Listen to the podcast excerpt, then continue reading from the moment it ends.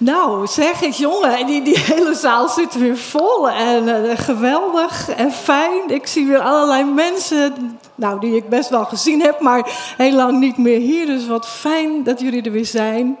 En dat we zo met elkaar uh, hè, dit, dit zijn we dus, hè? Dit, dan, dan, kun je elkaar zien, dan weet je het ook. Er is een gemeente en fijn ook dat we zo dan weer samen een, de dienst met elkaar kunnen vieren. Dat we vooral ook samen kunnen zingen. En ook straks samen weer koffie drinken. Heerlijk dat dat allemaal weer kan.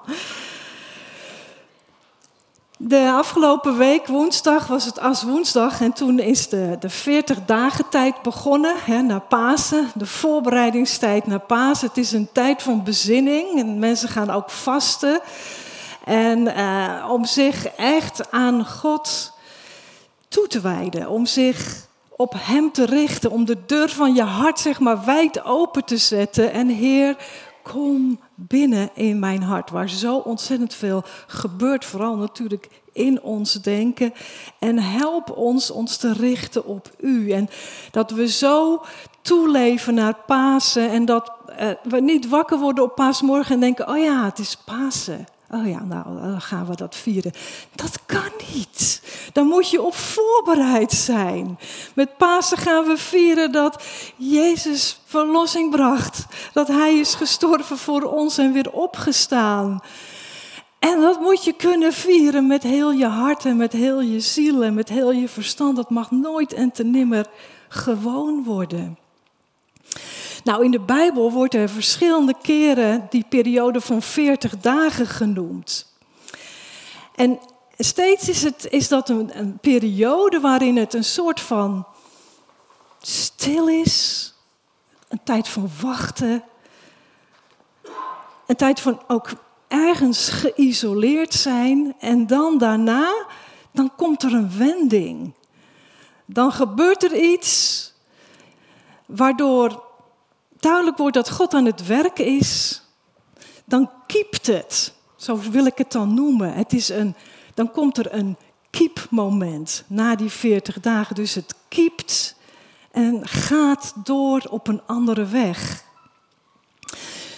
Nou, die verhalen heb ik uh, opgezocht. En uh, dus daar gaan we naar kijken de komende zes zondagen. Wat is het keepmoment? Wat gebeurt er in die 40 dagen? En hoe kan het ons helpen ook om ons voor te bereiden op Pasen, op weg naar Pasen?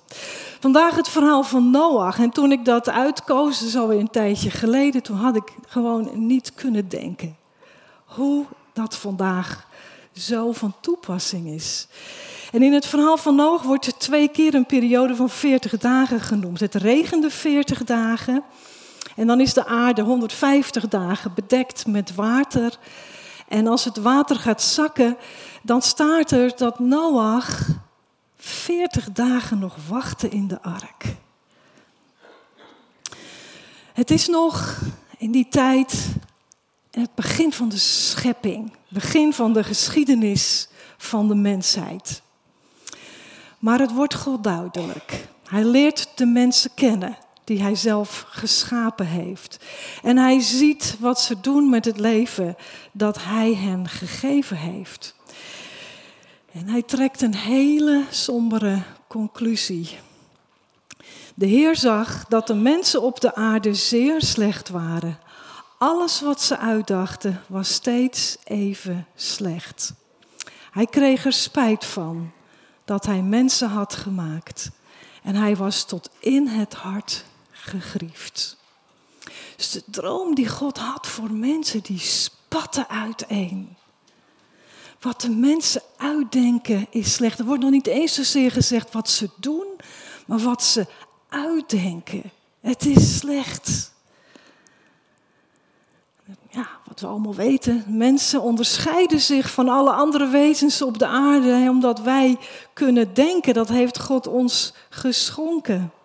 En je kan zelf bedenken, zelf uitdenken wat je wilt, hoe je het wilt, wat je besluit, wat je kiest.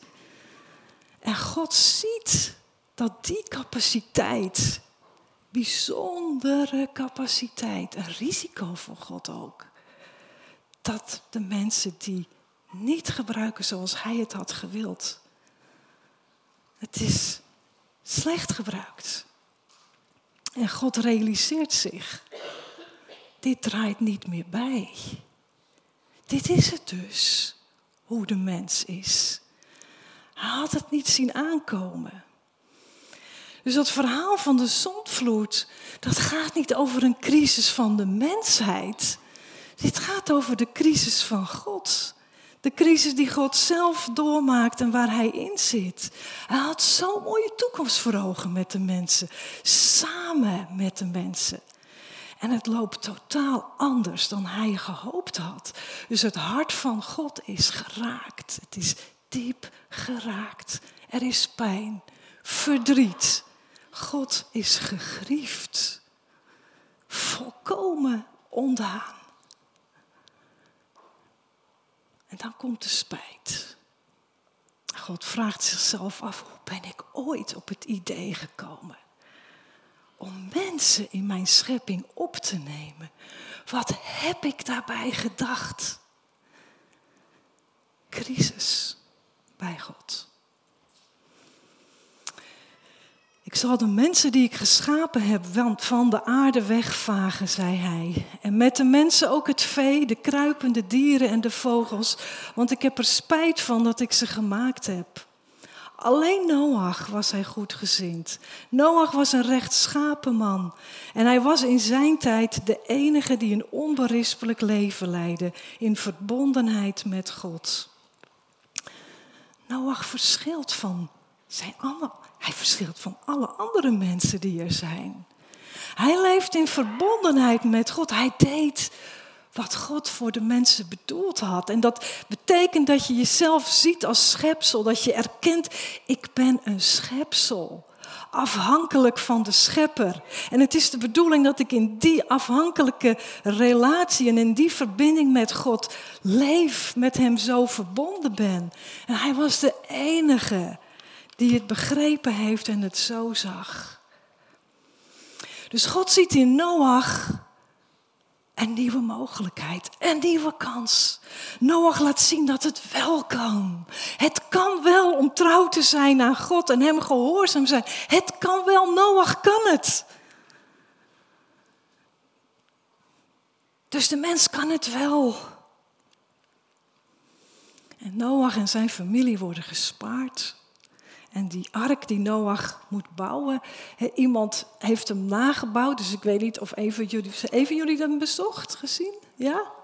Is het indrukwekkend? Ja. Oké. Nou, we kunnen toch ook nog eens naartoe. Ja. En, en ik, wat mij opvalt, hè, het heeft een ronding. Hè, die ark heeft een ronding. Toch net iets anders dan een schip zoals wij die kennen. En ik dacht bij mezelf, weet je, bij wijze van spreken is dat een holte. Als de holte van Gods hand. Die ronding, die ark, dat is de holte van Gods hand. En daarin wordt Noach en zijn familie met een aantal dieren gespaard. Noach is die ene mogelijkheid die God ziet. Om toch die toekomst te verwezenlijken die hij voor ogen had met de mens. Hij wil het niet loslaten. Die ene mogelijkheid die God ziet met Noach, die beschermt hij en die koestert hij. Ja, die vloed die komt. En die bedekt de aarde. Alles weggevaagd. Wat God met zoveel liefde geschapen had en waarvan hij had gezegd: het is goed. En hij brengt het eigenlijk weer terug naar de beginsituatie. In die allereerste verse van Genesis. Daar brengt hij het naar terug, die oorvloed die er is. Daar is het terug, die oorvloed. En Gods geest zweeft over de wateren, staat er. En ook nu is dat zo. Gods geest is daar en die reikt uit naar Noach. Hij vindt Noach in de ark.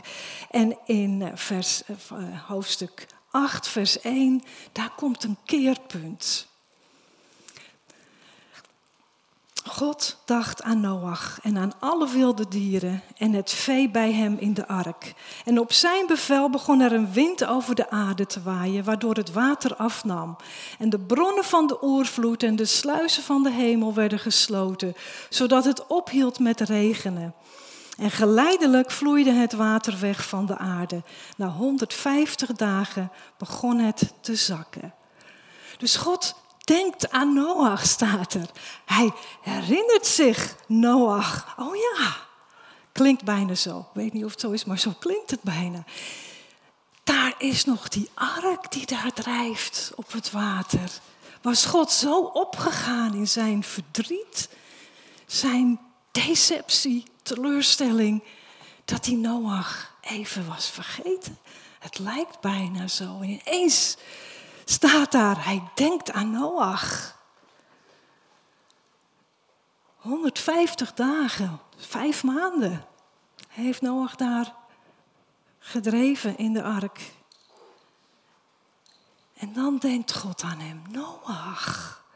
En dat denken, dat zet God meteen in actie. En hij zorgt ervoor dat het water wegebt. Doordat hij denkt aan Noach. Dat maakt dat het water wegebt. Nou, uiteindelijk kan Noach met de familie en de dieren uit de ark. En het eerste wat Noach dan doet is een altaar bouwen en God een offer brengen.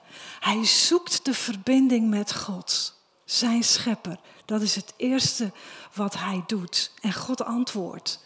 Het behaagt hem. Hij wordt blij daarvan wat Noach doet. En God en mens vinden elkaar daar. En dan gebeurt er iets. Nooit weer, zegt God, nooit weer zal ik de aarde vervloeken vanwege de mens. Want alles wat de mens uitdenkt van zijn jeugd af aan is nu eenmaal slecht. Nooit weer zal ik alles wat leeft doden zoals ik nu heb gedaan. Zolang de aarde bestaat, zal er een tijd zijn om te zaaien en een tijd om te oogsten. Zal er koude zijn en hitte, zomer en winter, dag en nacht. Nooit komt er een einde aan. En dat is dat kiepmoment. Er kiept iets hier. Er komt een keerpunt. Een hele belangrijke wending. De crisis waar God zich in bevond, daar komt een wending in. En het is de vloed, het is niet zo dat de vloed iets in de mens heeft veranderd. Helaas. Wat in de mens schuilt, dat zit er nog steeds. Maar in het hart van God, daar is iets wezenlijk veranderd.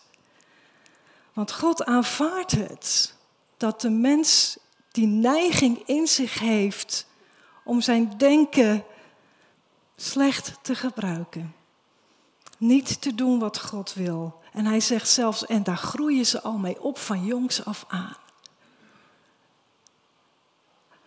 God had het anders verwacht. Maar nu ziet hij die werkelijkheid. Die ziet hij onder ogen. Dit is dus hoe de mens is. Dit is hoe de mens is. Ik aanvaard het, zegt God.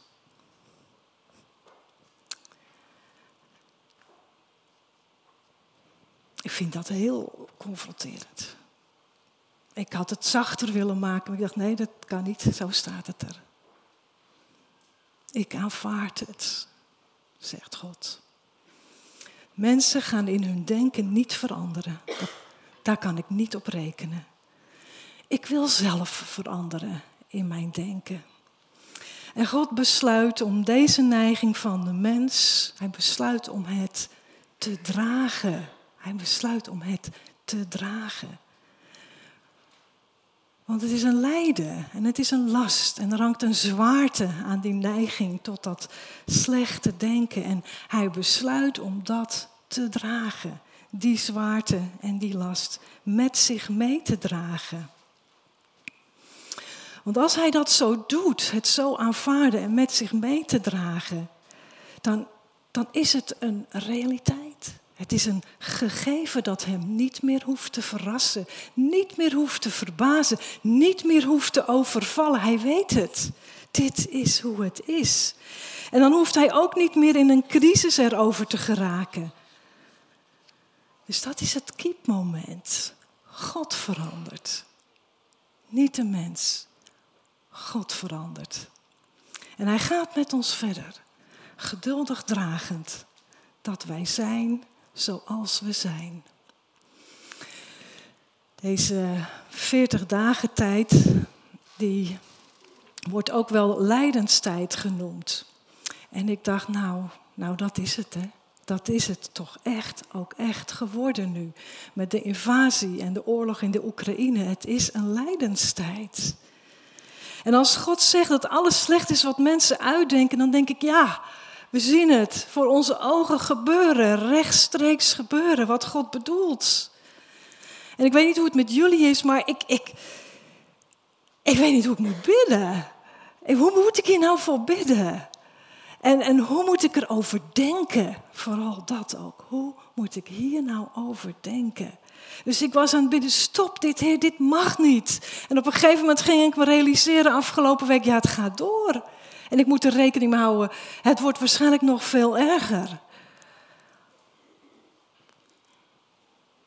Ja, vanuit de crisis die God had, in dat verhaal van Noach, weten we, het heeft God niet zo overvallen als het ons overvalt. Want dat hoor je mensen zeggen, ook vanuit Rusland, Moskou, Oekraïne.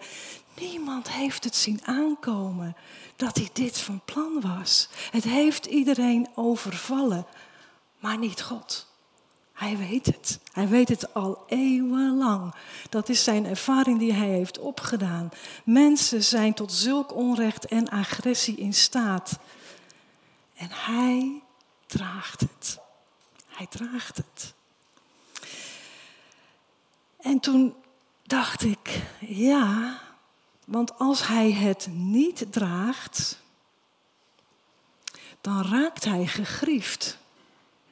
Zoals toen en zoals wij ook. Dan raakt hij gegriefd, want dat kan niet anders. Dat het je zo diep bedroefd maakt. En als het God grieft, als hij zo volkomen ondaan erdoor raakt, dan is het volgende dat hij spijt krijgt. En als hij spijt krijgt, komt er ingrijpen. En dan zou hij opnieuw moeten wegvagen. Oh, dacht ik. Ja, zo had ik dat nog niet gezien. Hij heeft beloofd het niet nog eens te doen. Dat heeft hij beloofd en daar houdt hij zich ook aan wat hij heeft beloofd.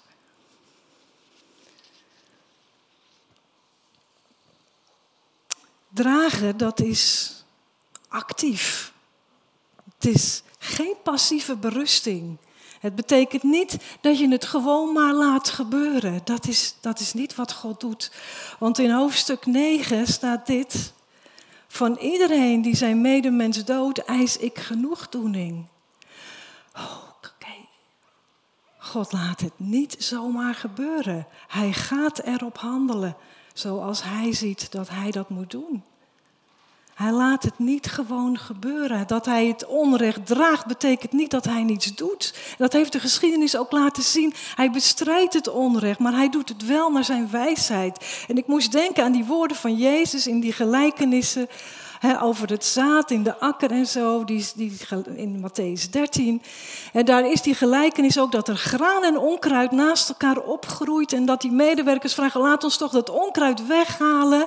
En dan zegt de heer van het land, nee, laat maar staan. Want anders zou je ook nog het graan mee kunnen wegtrekken. Dus dit is een andere weg die God gaat dan in één klap alles wegvagen. En het is een wijsheid die hij heeft hierin, de weg die hij gaat met het onrecht, die kunnen wij niet doorgronden. En die is in onze ogen ook gewoonweg vaak veel te geduldig en veel te genadig. Nou, ik, ik, heb, ik zie het voor mezelf nu zo, dat als God dat kwade dat mensen uitdenken.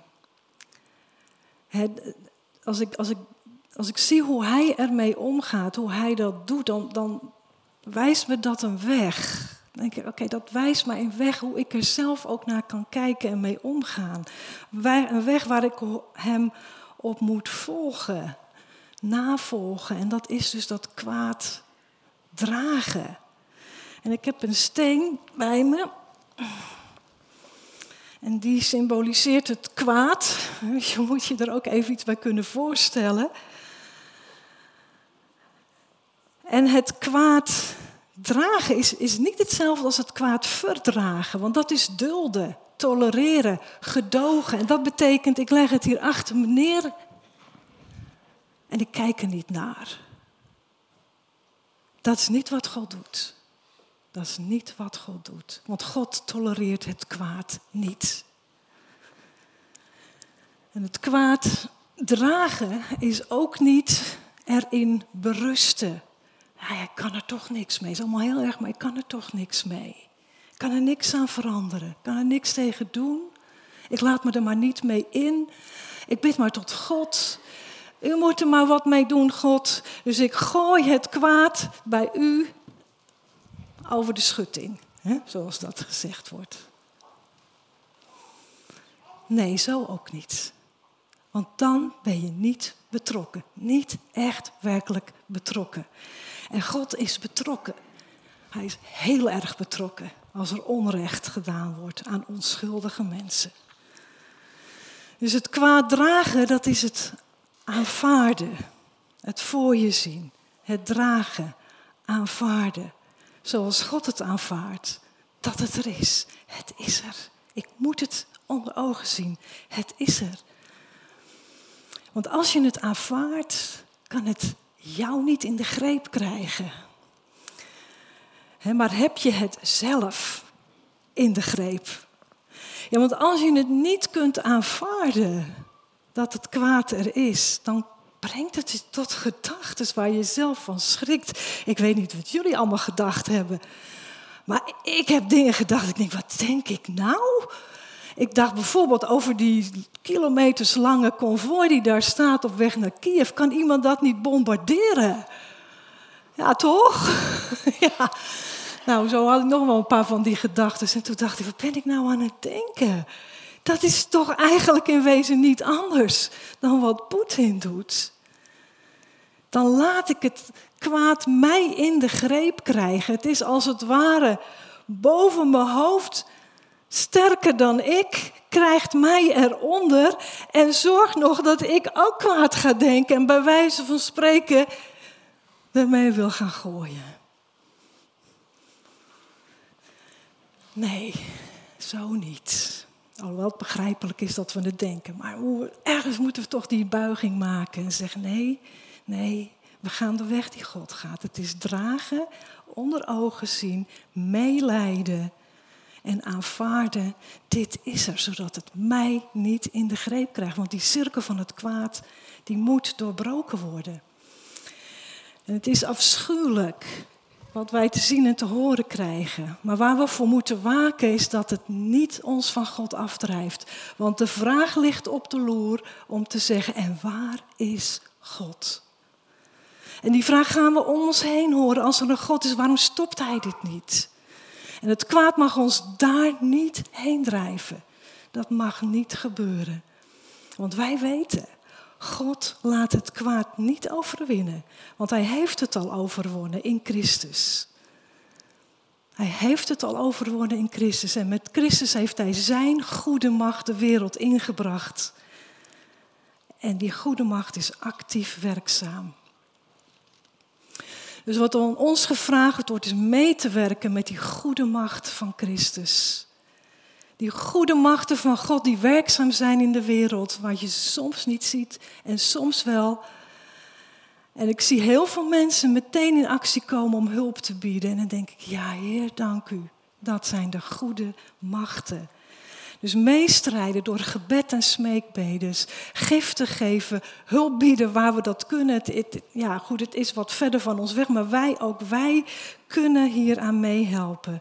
En ook aan ons is het om te aanvaarden dat die sancties, die bedoeld zijn om Rusland te treffen, maar die ketsen zeg maar als een boemerang op ons terug. Wij gaan het ook merken.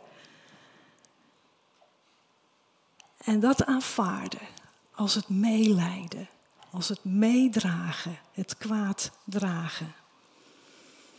En zolang wij geen wending zien in deze situatie, daar geen kiepmoment zien, en zijn we als Noach in de ark. Dan ben je een soort van ingesloten, niet wetend. Wat is God nou aan het doen? want stel je voor, Noach daar in die ark. Hij weet, er gebeurt iets, want die ark loopt vast. Dus hij weet, hier is iets aan het gebeuren. En dan, dan blijft hij veertig dagen wachten voordat hij het venster opent. En dan denk ik, wat gaat er in je om? Wat gaat er dan in je om? Oké, je hebt het er levend afgebracht.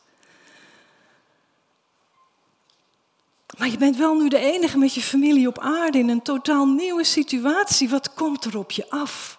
Hoe gaat dit worden? Hoe gaat dit zijn? En ik kan me voorstellen dat er van alles door zijn hoofd gaat.